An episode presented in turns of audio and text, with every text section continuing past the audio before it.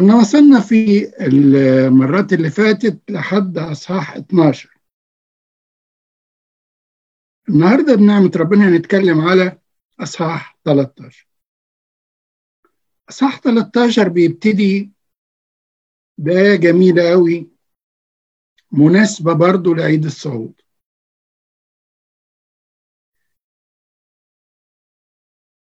الآية الأولانية في أصحاح 13 بتقول أما يسوع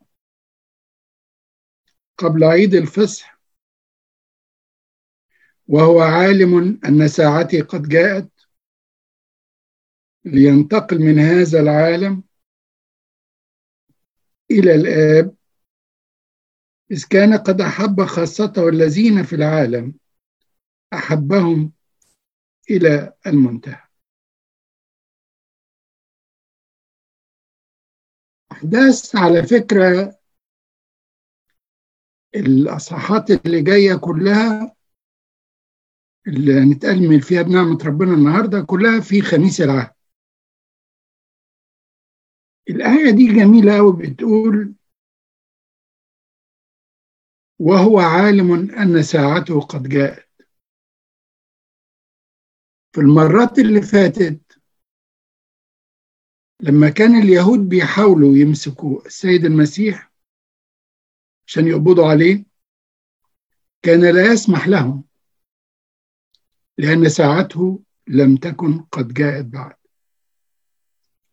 وهو قال إني لي سلطان أن أضعها ولي سلطان أن آخذها. لأن كل شيء عند ربنا له توقيت.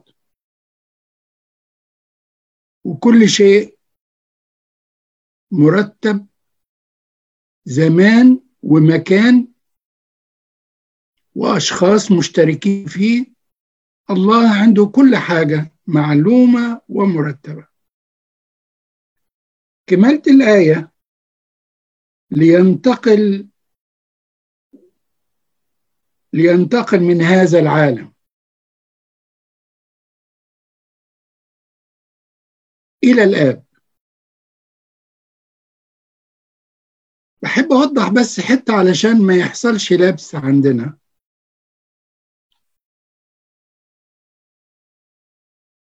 الله الكلمة. الله الكلمة. الابن كائن في حضن الآب منذ الأزل. لم يتركوا ولم ينفصلوا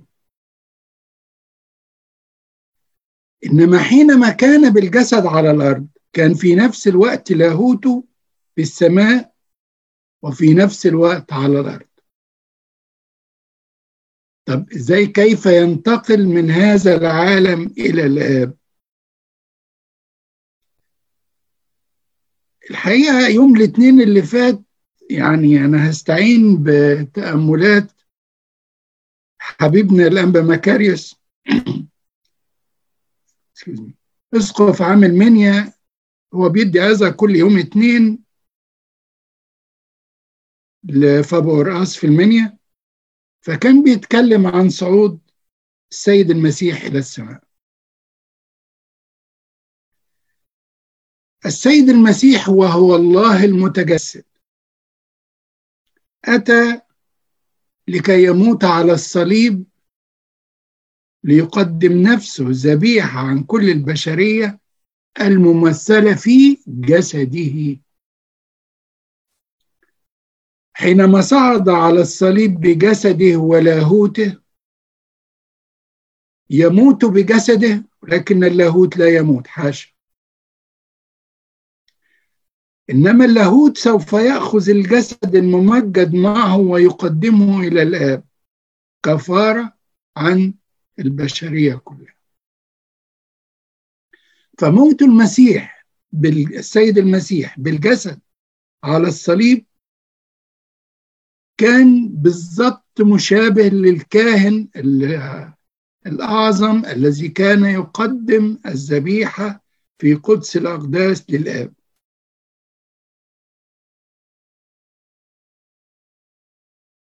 انتقل لأنه كان فعلا ورتب ترتيبه إنه الجسد اللي هو اتصلب بيه على الصليب هيصعد بيه للسماء وهيقدمه أمام الآب.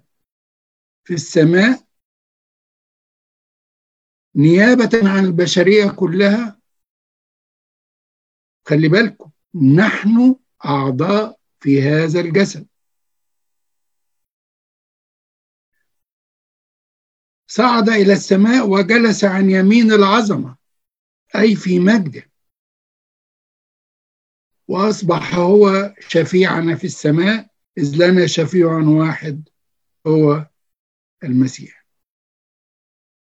المفهوم ده مهم جدا لينا لأن إحنا إذا كنا أعضاء في جسد السيد المسيح أعضاء في جسده الذي هو الآن في السماء لنا شركة فيه فلا بد أن نثبت فيه. لأن وهو قال كده من يأكل جسدي ويشرب دمي يثبت فيا وأنا فيه. هنكمل بعد كده وده قالها في أصحاح ستة لما هنوصل لأصحاح 15 هو بيقول أنا الكرمة. هنشوف الثبات في الكرمة وعلاقته بجسد السيد المسيح.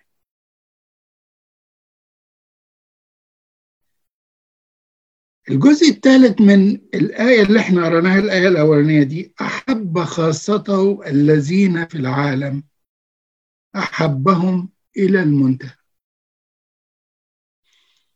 مين هم خاصته؟ نسأل نفسنا كده مين هم خاصته؟ هل هم تلاميذه بس؟ الذين يؤمنون به أيضا؟ أنا وأنت وأنت كلنا خاصة السيد المسيح. زي ما نشوف بعد كده برضو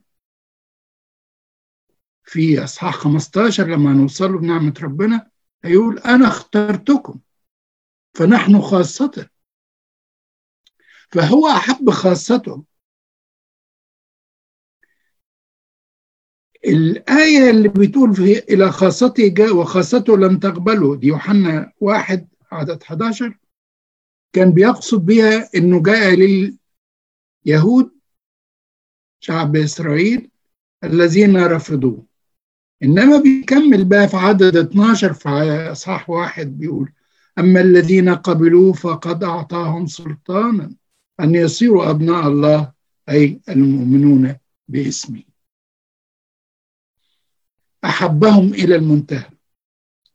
وده إيماننا حقيقي ده إيماننا أنه أحبنا إلى المنتهى. أحبنا لأنه هكذا أحب الله العالم حتى بذل ابنه الوحيد لكي لا يهلك كل من يؤمن به. أحبنا إلى المنتهى.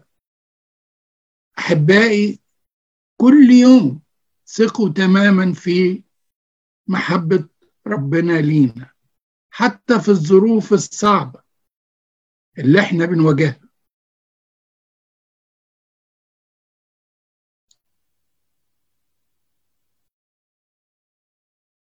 في الظروف الصعبة اللي إحنا بنواجهها في الاضطراب اللي بيعيشه العالم. نحن ننظر إليه أنت هو المسيح. أنت هو الذي تحبنا ونحن نحبه لأنه أحبنا أولا. برضو زي ما قلت لحضراتكم إحنا مش هنقدر نتأمل آية آية لكن بنمشي بس ناخد الحاجات اللي هي تتلامس مع حياتنا وتفيدنا في حياتنا. هنتقل إلى الجزء اللي هو ابتداء من عدد أربعة و وده في خميس العهد اللي هو غسل أرجل التلاميذ.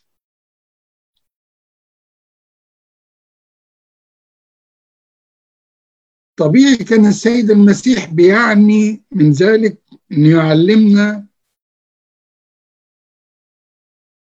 التواضع. الكبرياء هي التي أسقطت إبليس. الكبرياء هي التي أسقطت آدم. لأنه خدعه إبليس وقال له تصيران عارفين للخير للخير والشر كالله. والحكيم بيقول قبل السقوط الكبرياء السيد المسيح لما حب يعلمنا ما قالش تعلموا إزاي تتكلموا ما تعلموا إزاي تتواضعوا إزاي إزاي تشفوا إزاي ابدا. تعلموا مني لأني وديع ومتواضع القلب. أحبائي التواضع هو مفتاح دخول إلى حضرة السيد المسيح. هو اللي هي بيخ... بنستطيع به أن نهزم الشيطان. الشيطان بيحاول يحطنا في الخطية والخطية تعادل الكبرياء وتقودنا إلى أن نقف ضد الله. أما التواضع فيكسبنا محبة الله.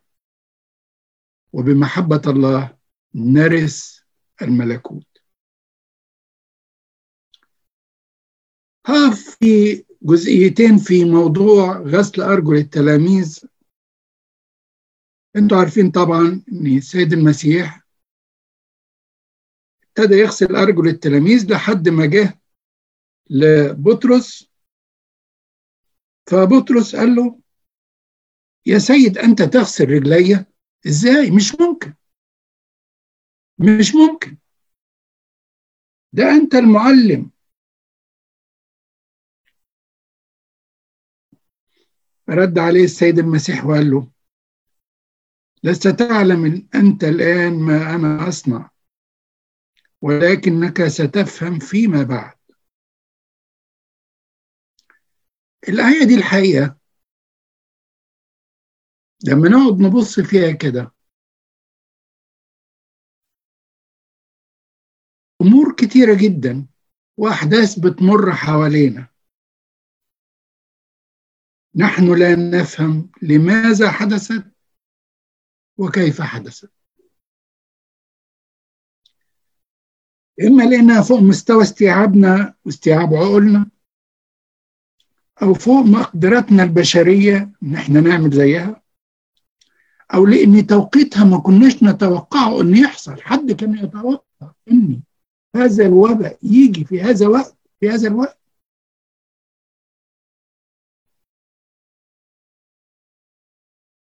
الله ليس عنده صدفة في أعماله.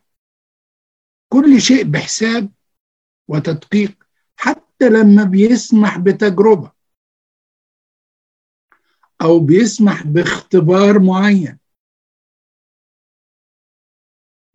السماح به حبا منه للبشرية وحبا منه لينا لأنه يريد خلاصنا ويريد حياتنا. إحنا ما نقدرش بنفهم مقاصد الله مرة واحدة ولا هنقدر نفهمها قد نفهمها بعد مرحلة من المراحل في حياتنا.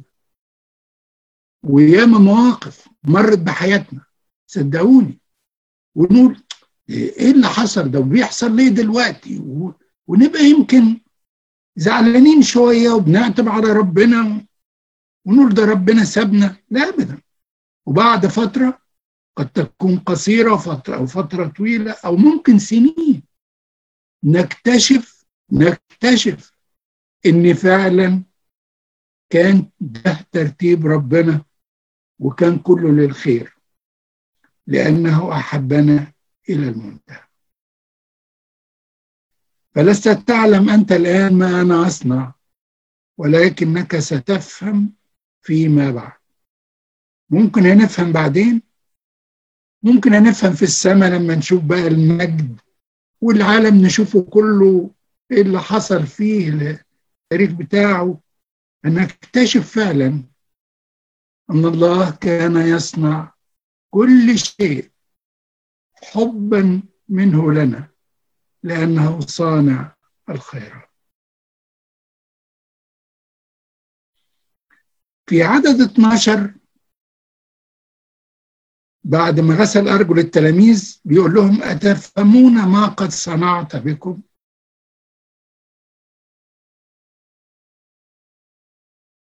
فإن كنت وأنا السيد والمعلم قد غسلت أرجلكم فأنتم يجب عليكم أن يغسل بعضكم بعض أرجل بعض. لأني أعطيتكم مثالا.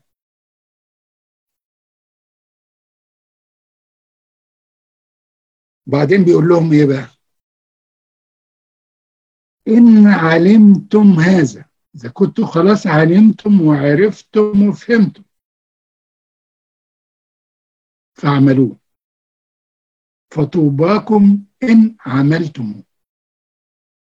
آية 17 اللي فتح الإنجيل معايا يقدر يطلع عدد 17 كده.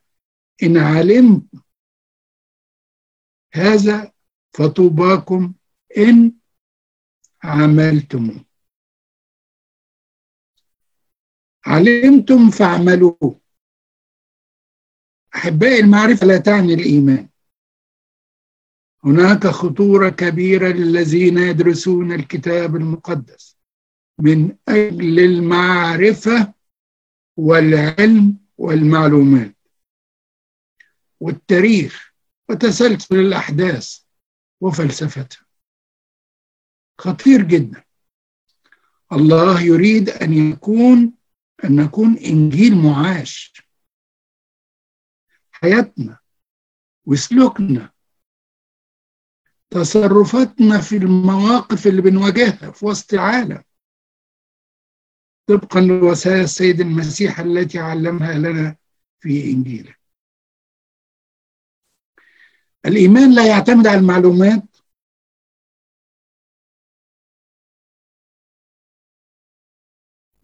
الإيمان الذي يعتمد على المعلومات لا يؤدي بنا إلى الملكوت. يعقوب الرسول بيقول الشياطين تؤمن وتقشعر. إبليس دارس وحافظ الكتاب المقدس أكثر من أي واحد منا وأي أكثر من أي ناس. ده هو لما جاء يجرب السيد المسيح جاب آيات من الكتاب المقدس. إبليس دارس وحافظ. الفرق إن إبليس يعرف ويستخدم الكتاب المقدس في الجدل والتشكيك والتجريح. ولكنه لا يطبق آية واحدة في حياته. الإنسان المؤمن الحقيقي إيمانه عامل بالمحبة يجاهد في أن يطبق وصايا السيد المسيح في حياته ببساطة وبأسلوب بسيط جدا غير معقد وغير فلسفي. فاجتهدوا يا أحبائي لا أن تعرفوا فقط بل أن تعملوا ما عرفتموه وتعلمتموه من كلام السيد المسيح لأن كلامه روح وحياة. في هذا الإصحاح أيضا لو ده وصلنا لعدد 18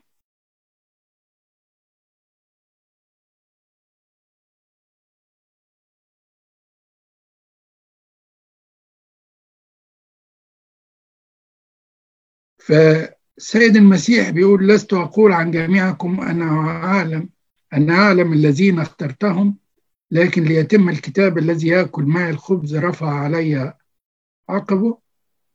أقول لكم الآن قبل أن يكون حتى متى كان تؤمنون إني أنا هو.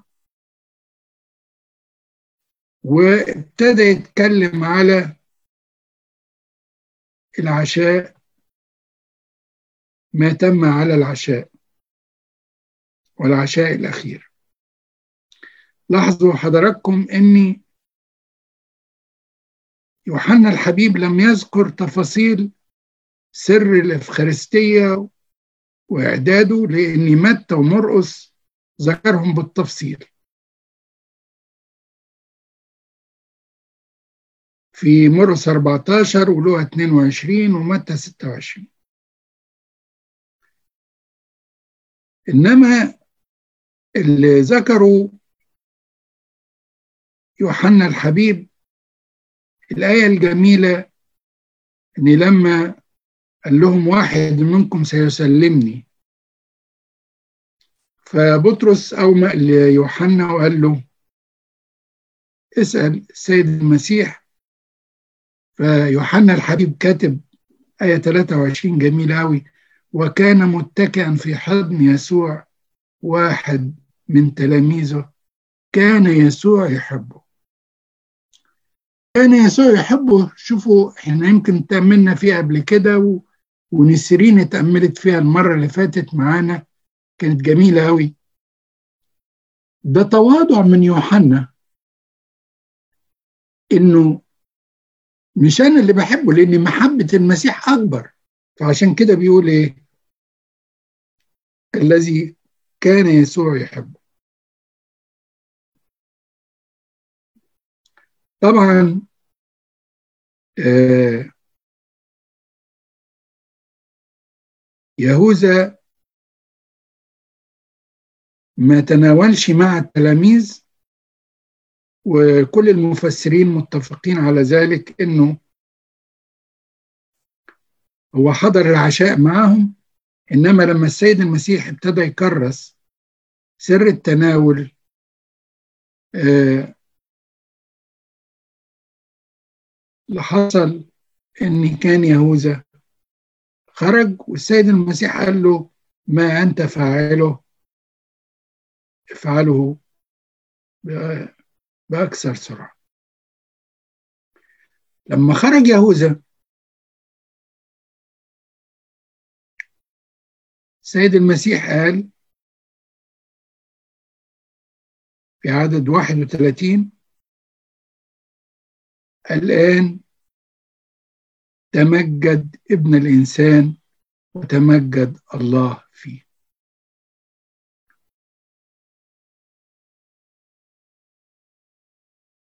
تمجد ابن الإنسان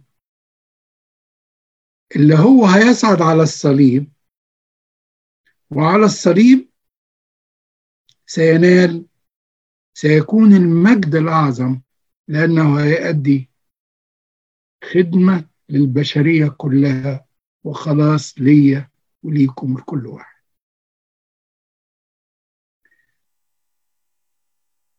في عدد 34 من نفس الأصحاح. لو نقرأ مع بعض وصية جديدة أنا أعطيكم. أن تحبوا بعضكم بعضا كما أحببتكم أنا. تحبون أنتم أيضا بعضكم بعضا.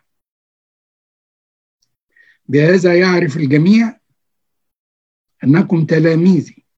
إن كان لكم حب بعضا لبعض.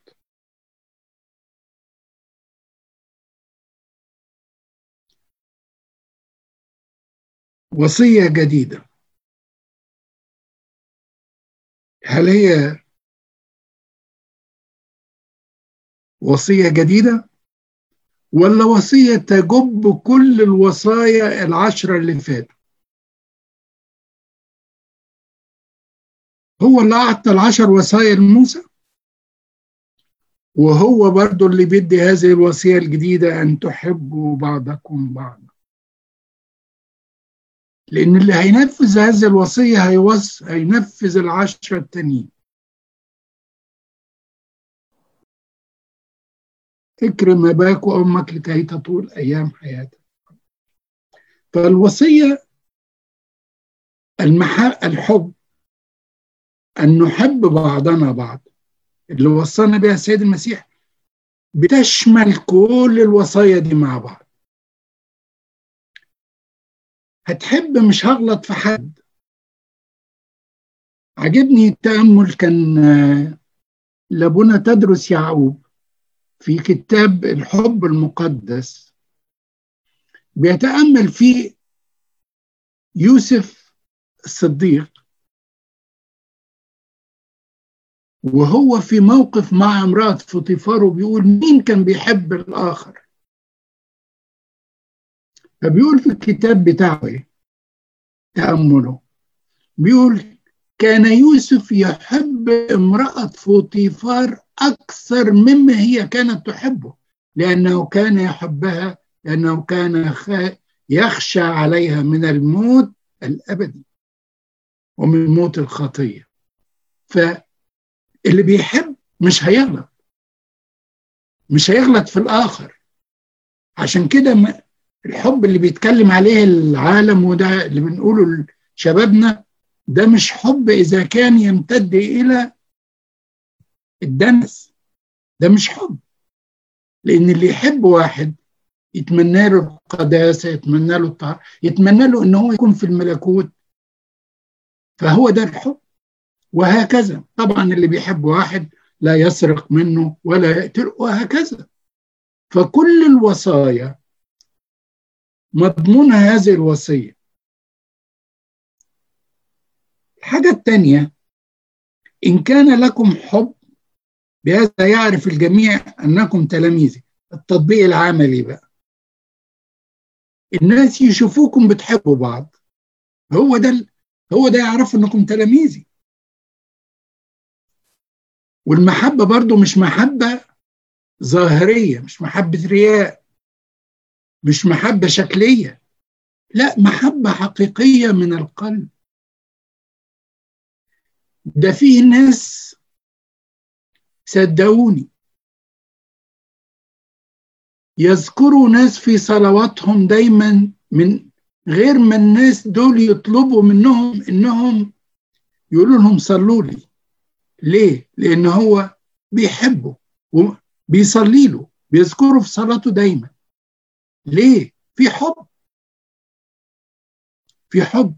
فليست المحبة بالمظاهر وتقديم وردة والفالنتين دي والحاجات. أبدا. المحبة التي لا تسقط أبدا. والمحبة التي تحتمل كل شيء وتصدق كل شيء. الله يريد هذا الحب منه وعلى فكرة المطلوب اللي السيد المسيح بيقول إن تنفيذ هذه الوصية لا لا في كل وقت وفي كل زمان وفي كل مناسبة في كل مكان. يعني مش واحد يبقى في الكنيسة يا سلام ملاك ويحب الناس كلهم وفي البيت حاجة تانية خالص. أو العكس. أو في الشغل بأسلوب وفي البيت بأسلوب تاني. اطلاقا الحب ينبع من القلب في كل التصرفات وفي كل المشاعر اللي تصدر منه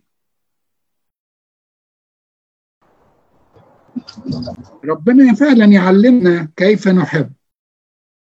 لأن بعد كده هيقول لنا بدون لا تغير أن تفعلوا شيء المحبة دي مش هتيجي ابدا كده. يعني في حاجات يعني لما قال أحبوا أعدائكم مين يقدر؟ إن ما كانش المسيح هو في حياتنا وإحنا ثابتين فيه نستطيع كل شيء. أنتقل بقى لاخر جزء في آه هذا الإصحاح وهو الجزء اللي آه بطرس بيقول له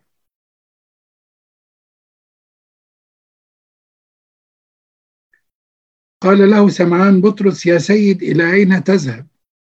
أجابه, أجابه يسوع حيث أذهب لا تقدر الآن أن تتبعني ولكنك ستتبعني أخيرا.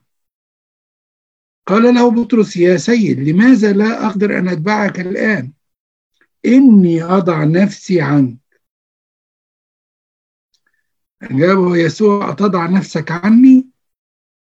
الحق الحق أقول لك لا يصيح الديك حتى تنكرني ثلاث مرات بطرس طبعا وهو الكبير في السن ومعتمد على قدرته بيقول له أنا أقدر. قال له لا. طب خليك بقى عشان تبان ضعفك دلوقتي لكن هتتبعني بعد كده. انت هتنكرني ثلاث مرات. كلنا عارفين طبعا القصة. انتقل لصح 14 لو حد له أي حاجة لو سمحتوا يتفضل يقول أو لو في أي أسئلة جات آه، قولوا لي عليه في حاجة جت يا بيتر على الفيسبوك ولا حاجة؟ يا دكتور بس أنا متابع وهقول لحضرتك أول ما يجي. ربنا يرد ننتقل لإصحاح 14 وإصحاح 14 هو بداية خطبة الوداع.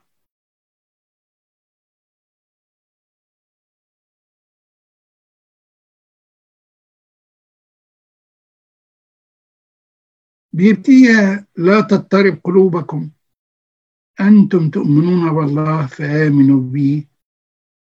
في بيت أبي منازل كثيرة. وإلا إني وإلا فإني كنت قلت قد قلت لكم. أنا أمضي لأعد لكم مكانا. وإن مضيت وأعددت لكم مكانا آتي وأخذكم إليّ. حتى حيث أكون أنا تكونون أنتم أيضا.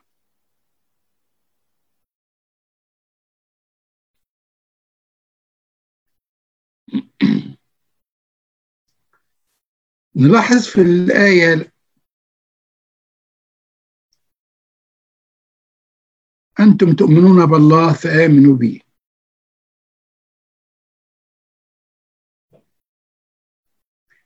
بعدين بيقول في بيت أبي منازل كثيرة. لاحظوا أنه شوفوا المحبة اللي بين الآب والابن التناغم الجميل. طب ما هو قد دفع إليه كل شيء.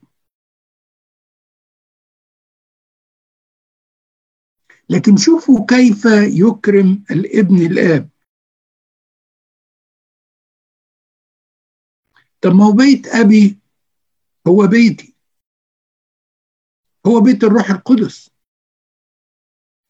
الآب يحب الابن والابن يكرم الآب. لاحظوا إن العلاقة دي هتتضح كتير قوي في الأصحاحات اللي جاية. علاقة الآب بالابن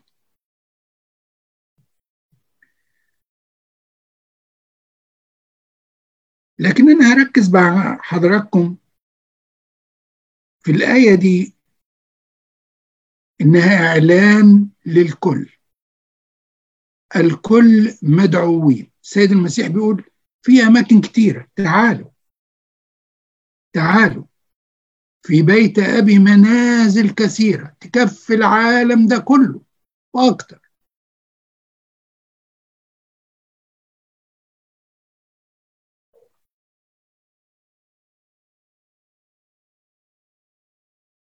منازل كثيرة مش هتدفعوا ألفات ولا ملايين دولارات ولا حاجة. تمنها رخيص خالص. سهل جدا. عشان تدخل الملكوت وتاخد بيت تقدر تاخده بحاجة بسيطة خالص. بكسرة خبز. كوب مية بارد. زيارة مريض. سؤال على مريض. مساندة محتاج محتاج لكلمة. محتاج لمساعدة. صدقوني الله وهو قال كده. هو قال كده. كل ما فعلتموه بأحد إخوتي الأصاغر فبي قد فعلت. إن كنت تريد فعلا أن تكون مع المسيح وزي ما هو قال حيث أكون أنا تكونون أنتم أيضا. خد لك مكان واحجز بيت. مش محتاج لآلافات الدولارات ولا تحويشة العمر ولا حاجة. حاجات بسيطة جدا نكسب بيها السم.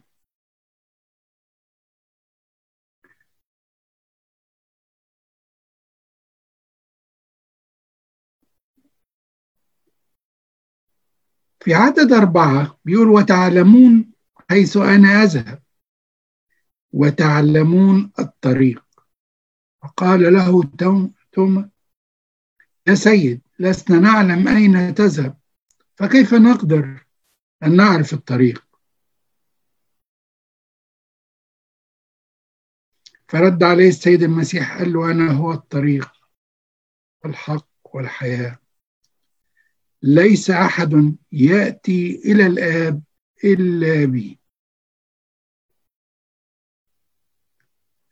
المسيح هو الطريق إلى الملكوت. المسيح هو الطريق الوحيد للخلاص وبدونه. لا خلاص. المسيح هو الوحيد الذي يعطي السلام العالم لا يعطي السلام. هو الطريق والحق والحياة. لو نقعد نتأمل في الآية دي ناخد وقت طويل كتير. هو الطريق. كما هو سلك نحن نسلك. يكفي أن نطبق الآية اللي قالها لنا اللي هي آية؟ إيه؟ تحبوا بعضكم بعضا كما أنا أحببتكم.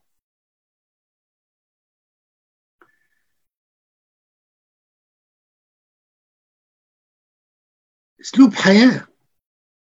اسلوب حياة. مش فلسفة ولا شطارة.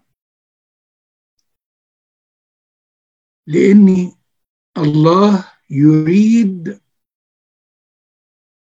هو عايز الكل يخلصون ولا معرفة الحق يقبلون هو عايز الكل يدعو الكل. يدعو الكل. ولما هندخل بعد كده شوية في الأصحاح 15 لما بيقول أنا اخترتكم الله ما عندوش تمييز على فكرة. لكن اخترنا هنشوف بعد كده الاختيار بيجي عن إيه. الله يريد الكل. إرادته. فالذين لا يص... لا يحيون الآن في أحضان السيد المسيح وبيتمتعوا بمحبته وبيتمتعوا بسلامه وبيتمتعوا بفرحه. أحبائي للأسف يفقدوا هذه المنا هذا المكان والمنازل الجميلة اللي موجودة في السماء. المسيح هو الطريق المسيح هو الباب بدونه.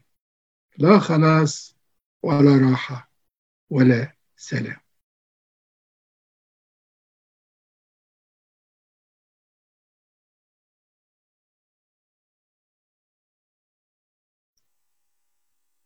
قال له يسوع أنا هو الطريق والحق والحياة ليس أحد يأتي إلى الآب إلا بي. لو كنتم قد عرفتموني لما لعرفتم أبي أيضا ومن الآن تعرفونه وقد رأيتموه. قال له في لبس يا سيد أرنا الآب. وكفانا.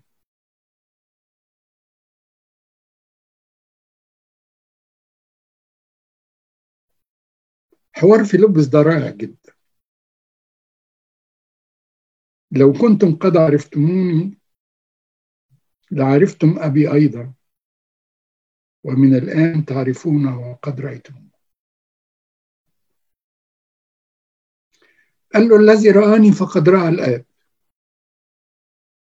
لأني أنا في الآب والآب فيا. هنا وحدانية الثالوث. وحدانية الجوهر لاهوت واحد.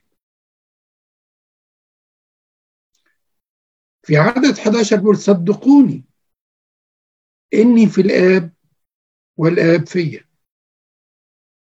من يؤمن بي فالأعمال التي أنا أعملها يعملها هو أيضا ويعمل أعظم منها.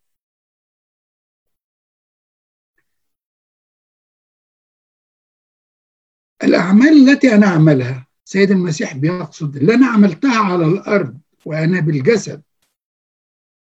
تقدرون أن تعملوها أنتم أيضا. تعملوا زيها وأعظم منها. إن كان لكم ثبات في وإيمان فيه.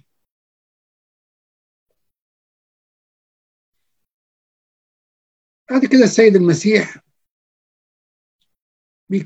طمنا إن سألتم في عدد 13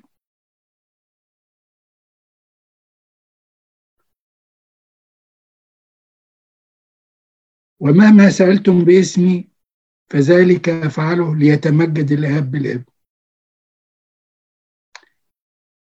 خلي بالكم شوفوا التناغم والانسجام بين الآب والابن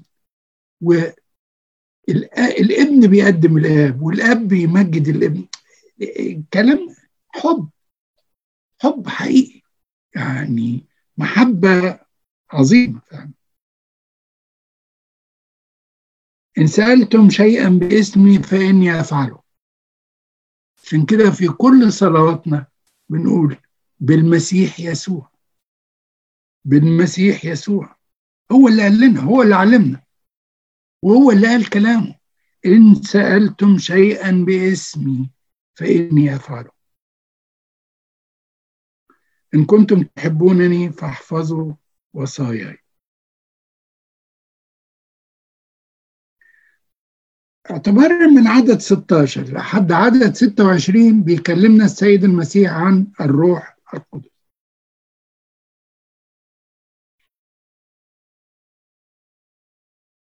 بيكلمنا على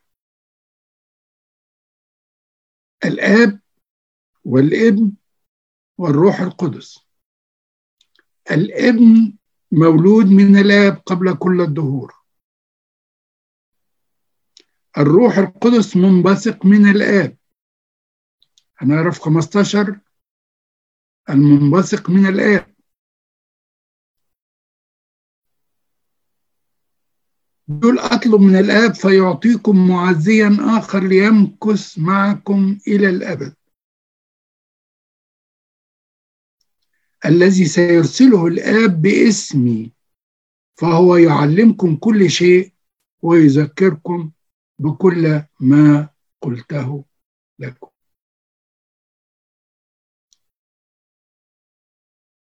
في عدد 27 سلاما أترك لكم. سلامي أعطيكم. ليس كما يعطي العالم أعطيكم أنا. لا تضطرب قلوبكم ولا ترى. سلام ربنا يفوق كل عقل والسلام على فكرة هو ثمرة من ثمار الروح القدس اللي سمعوا يوم الثلاث ثمار الروح القدس محبة فرح سلام. السلام شعور داخلي مش مؤثر خارجي ما بيجيلناش من بره. صدقوني العالم لا يعطي سلام ولا يمنح سلام. لو كل واحد يسأل كده هل الفلوس بتدي سلام؟ هل المنصب والوظيفة بيدي سلام؟ هل الكرامة والمجد العالمي يمنح سلام؟ ده العالم كله مضطرب وخايف من فيروس صغير لا يرى بالعين. تساوى الأغنياء تساوى الحكماء تساوى العظماء كله خايف من فيروس صغير. العالم لا يعطي سلام. السلام الحقيقي اللي انت تحس بيه وهو أن تستطيع أن تقول أنام مطمئنا بين يديك.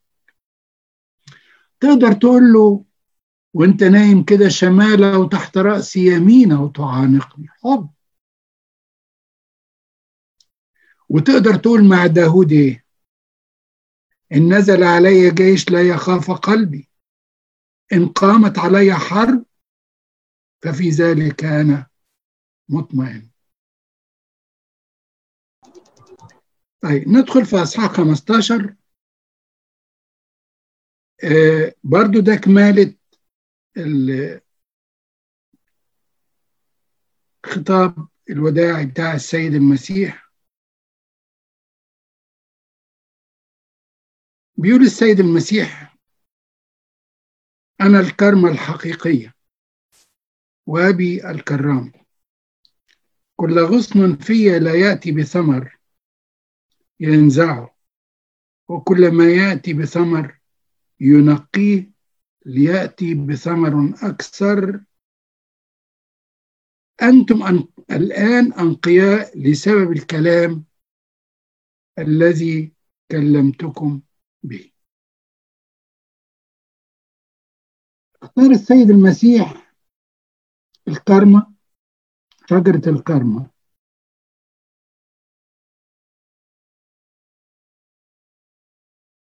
بعض المفسرين بيذكروا على إنها لأن شجرة الكرمه منتشرة في أرض فلسطين ورمز لشعب إسرائيل.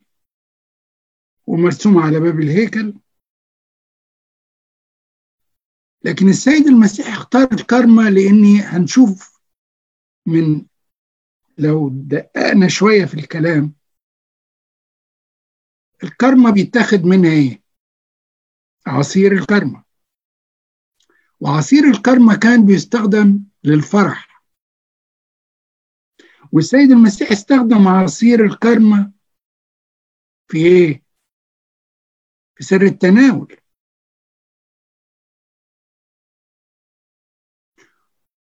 لما نكمل شوية إن اللي يثبت في الكرمة عصير الكرمة هيغذيه وهيديله حياة وهيديله غفران للخطية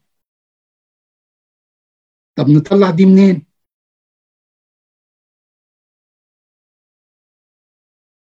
قال السيد المسيح من يأكل جسدي ويشرب دمي يثبت فيا وأنا فيه. والدم اللي السيد المسيح عمله وقدمه لينا هو عصير الكرمة المتحول إلى دمه. وهو الكرمة المسيح. لما بيقولوا أنا الكرمة عصير وأنتم الأغصان.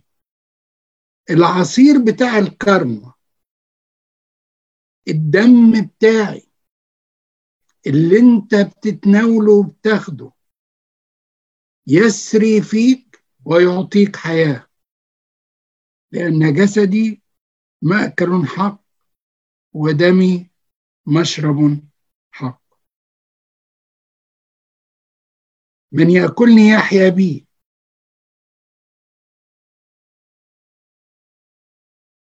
أنا الكرمة وأنتم الأغصان.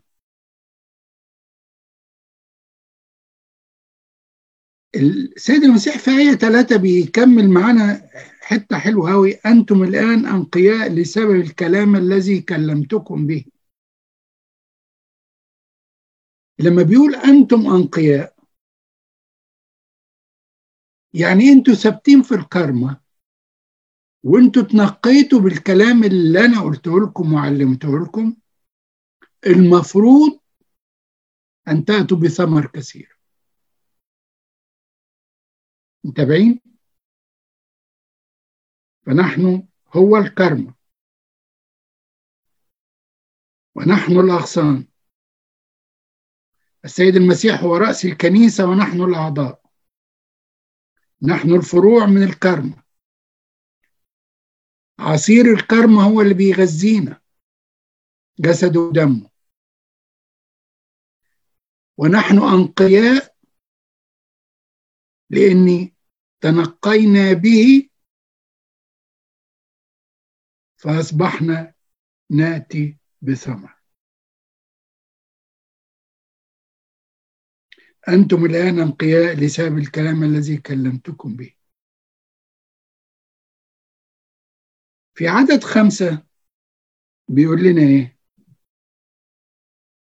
في عدد أربعة اثبتوا فيا وأنا فيكم. كما أن الغصن لا يقدر أن يأتي بثمر من ذاته إن لم يثبت في الكرمة. كذلك أنتم أيضا إن لم تثبتوا فيا لأن العصير بتاع الكرمة اللي من السيد المسيح لينا اللي بيغذينا اللي بيعلمنا اللي بيرشدنا. هو ده لو ثبتنا فيه هنأتي بثمر أكثر. وعلى فكرة بدوني لا تقدروا أن تفعلوا شيء. إحنا ثابتين فيك يا رب. لكن إحنا ضعاف. إحنا جسد ضعيف. إحنا إمكانياتنا محدودة. ولكن إن كنت أنت معنا فمن علينا. وبولس الرسول بيقول أستطيع كل شيء في المسيح.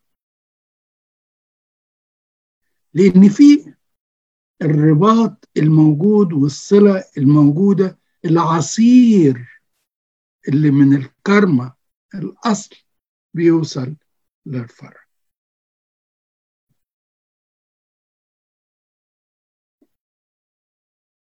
طبعا بيتكلم في إن كان أحد لا يثبت فيها يطرح خارجا كالغصن فيجف ربنا يحافظ علينا كلنا ونبقى فعلا ثابتين فيه.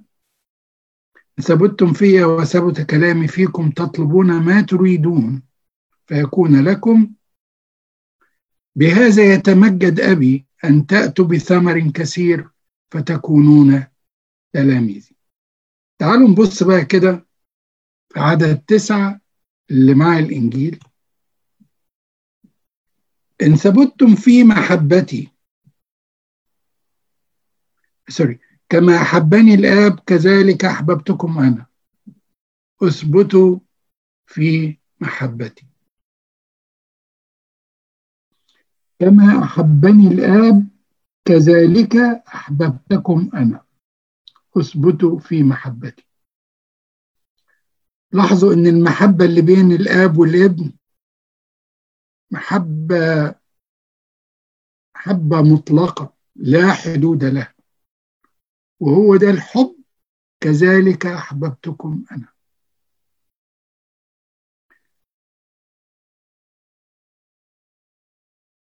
في إذا إحنا قعدنا نتأمل كده كذلك أحببتكم أنا. فعلا. إذا كنت واثق في أن الله يحبني فلا أنزعج ولا أضطرب مما يحدث حولي ما حصل. العالم يضطرب ويتقلب ويبقى خايف وده حقهم. لأن العالم يخشى على ما فيه أهل العالم بيخافوا على أن يفقدوا ما هو في العالم المال الثروة المجد عظمة اللذة الشهوة. أما نحن أولاد الله فلا نخاف ولا نجزع لأن في حب موجود. وبنقول له لأنه إن عشنا فللرب نعيش. إن متنا فللرب نموت. إن عشنا وإن متنا فللرب نحن. كله يستوي. إن عشنا يا رب هنخدمك. هنتمتع ونفرح بإن إحنا بنعمل الوصايا اللي أنت علمتها لنا. هنشوفك. إن متنا هنكون عندك في السماء وهنتمتع بيك. وهذا هو ما نتمناه في عدد 11 كلمتكم بهذا لكي يثبت فرحي فيكم ويكمل فرحكم.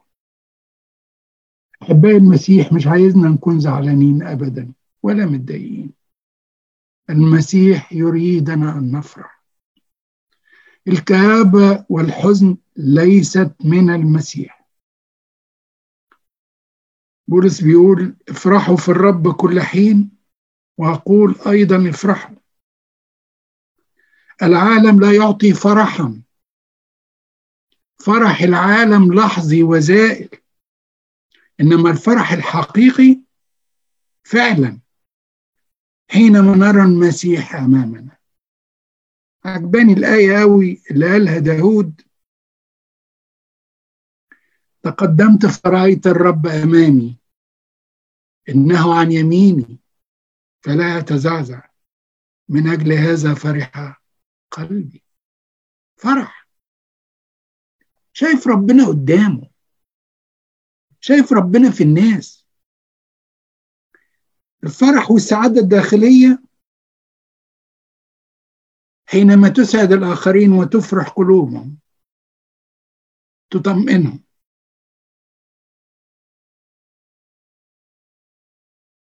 صدقوني الإنسان اللي فعلا بيحاول يسعد الآخرين وبيحاول يمد يد العون للآخرين. يساعد أخوة المسيح يساعد إنسان غرقان إنسان حزين يحول حزنه إلى فرح. قد إيه سعادته وقد إيه فرحه؟ قد إيه بينام مطمئن وفرحان؟ لأنه عمل حاجة فعلا.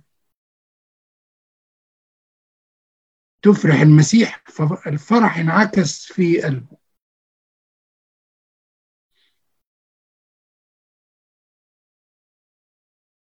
وبعدين بيكملها السيد المسيح بقى في عدد 12 تاني هذه هي وصيتي أن تحبوا بعضكم بعضا كما أحببتكم. هو قالها في الأصح اللي فات وصية جديدة أنا أعطيكم بيكررها هنا تاني. لأن المحبة لما تنعكس تطلع من قلبنا للآخرين هنشوف سعادة الآخرين هنفرح معاهم وفعلا هيكون فرح الله في قلوبنا.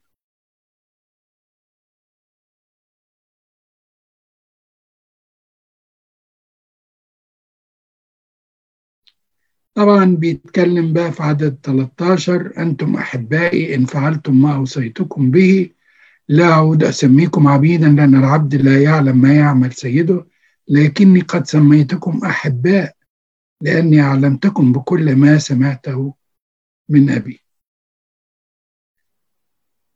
تعالوا نبص كده في عدد 16 ليس أنتم اخترتموني.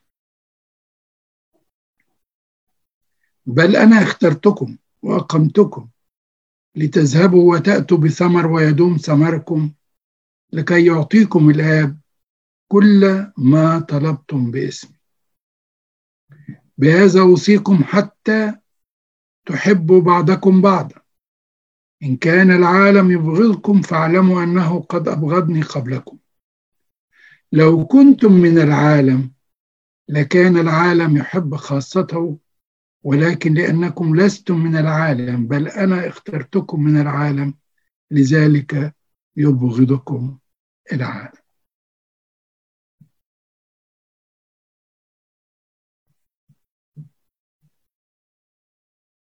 لأنكم لستم من العالم. هل نحن من العالم؟ إحنا من العالم؟ سؤال. لو كنتم من العالم لكان العالم يحب خاصته الذي منه. ولكن لأنكم لستم من العالم بل أنا اخترتكم من العالم لذلك يبغضكم العالم. شكرا لك يا رب. فعلا. اختارني واختارك من وسط ملايين الناس بل مليارات البشر. اختارني واختارك. اختارك. اخترنا حبا منه لينا. ليس لأجل شيء صالح فينا فعلناه بل لأنه حبا منه. اختارك اختارك لأنه شاف فيك حاجة كويسة. وإن عندك وعندك استعداد إنك تعيش معاه. اختارني واختارك ودعاك أن تكون له ابنا رغم كل ضعف وكل نقص فينا وكل جهل. فبيقول تعالى تعالى إلي أنا أصلح كل شيء. لأنك بدوني لا تقدر أن تفعل شيء. دعا الكل واختارني من وسط العالم. دعا العالم كله ودعوته الكل. اختارني واختارك اتولدنا من جديد في المعمودية وبهذه الولادة الجديدة أصبحنا خليقة جديدة. مؤهلين لأن نكون أبناء له وندخل السماء. أصبحنا خليقة جديدة لبسنا المسيح. عشان كده نحن لسنا من العالم. ولا نريد شيئا من العالم. مغريات العالم لا تشدنا. المال والثروة مش هدف لينا. إنها وسيلة فعلا. لكن مش تركيزنا. العالم لا يخيفنا ولا يرهبنا لأننا في يد أمينة. إن عشنا فللرب نعيش. إن متنا فللرب نموت. إن عشنا وإن متنا فللرب نعيش نحن لسنا من العالم. لكن لنا رسالة ننقلها إلى العالم. لكي يخلصوا إننا كحملان وسط ذئاب. قديس أغسطينوس بيقول تأمل في الحتة دي حلو قوي بيقول وحينما التهمت الذئاب الحملان تحولت الذئاب إلى حملان. لاحظوا كده الشهداء اللي كانوا بيعذبوهم ويقتلوهم كان وراهم على طول آلاف بيتحولوا ويؤمنوا بالمسيح. ليتنا نعلم أولادنا وبناتنا إننا أصبحنا خليقة جديدة في المسيح. أجسادنا خليقة جديدة في المسيح. صدقوني في حاجات إحنا مش عارفينها النهاردة لكن أنا أعرفها فيما بعد إن المعمودية حاجة بتغير فينا كتير جدا. تجعلنا خليقة جديدة. خليقة جديدة. إحنا مش قادرين ندرك هذا الكلام النهاردة لأنها فوق مستوى تفكيرنا. نحن أصبحنا خليقة جديدة فيه. يا ريتنا نعلم أولادنا. لذلك نحن لسنا من العالم ولا نشابه أهل هذا العالم. أن المسيح اختارك واختارني. اختار كل واحد فينا. لكي نكون رسالة مقروءة من جميع الناس. عشان وقت حضراتكم على طول في عجالة هنأتمل في آية 21 لو لم أكن قد جئت وكلمتهم لم تكن لهم خطية. خلي بالكم الكلام ده من السيد المسيح ما كانش بيكلمه عن اليهود بس. كلام السيد المسيح حتى هذه اللحظة لينا. الكلام ده لينا. كلمنا في ابنه. كلمني وكلم كل واحد فينا. وما زال يكلم العالم ويكلمنا. كلمة ربنا وصلت لكل العالم ولكل المسكون. الخطورة. أن من لا يسمع ويعمل تكون له خطيته ويأتي إلى الدين. اليوم إن سمعتم صوته فلا تقسوا قلوبكم. هو الآن وقت مقبول. الآن ليس هناك عذر. السيد المسيح يكلمني ويكلم كل واحد من حضراتكم. لنرجع ونتوب لأن الوقت غير مضمون. فعدد 24 بيقول لو لم أكن عملت بينهم أعمالا لم يعملها أحد ليرى لم تكن لهم خطية. الله عمل معنا حاجات كتيرة. يا ريتنا تنفتح عيوننا ونرى أعمال الله التي عملها معنا فنؤمن به ويزداد إيماننا وثقة فيه. آخر حاجة عدد 26 و 27 تكلم على الروح القدس المعزي. ومتى جاء المعزي الذي سأرسله إليكم؟ من الآب روح الحق الذي من عند الآب ينبثق فهو يشهد لي. إحنا بنقول الآب الابن مولود من الآب والروح القدس منبثق من الآب يكفي أن نعرف صفات الروح القدس كتيرة جدا. لو نقعد ندرس ونتأمل فيها كتير أوي. يكفي أن نعرف أنه هو المعزي في كل ضيق وفي كل ألم وفي كل صعوبة. وهو يعزينا وهو الذي يعطينا السلام ويعطينا الفرح. له المجد الدائم إلى الأبد. آمين.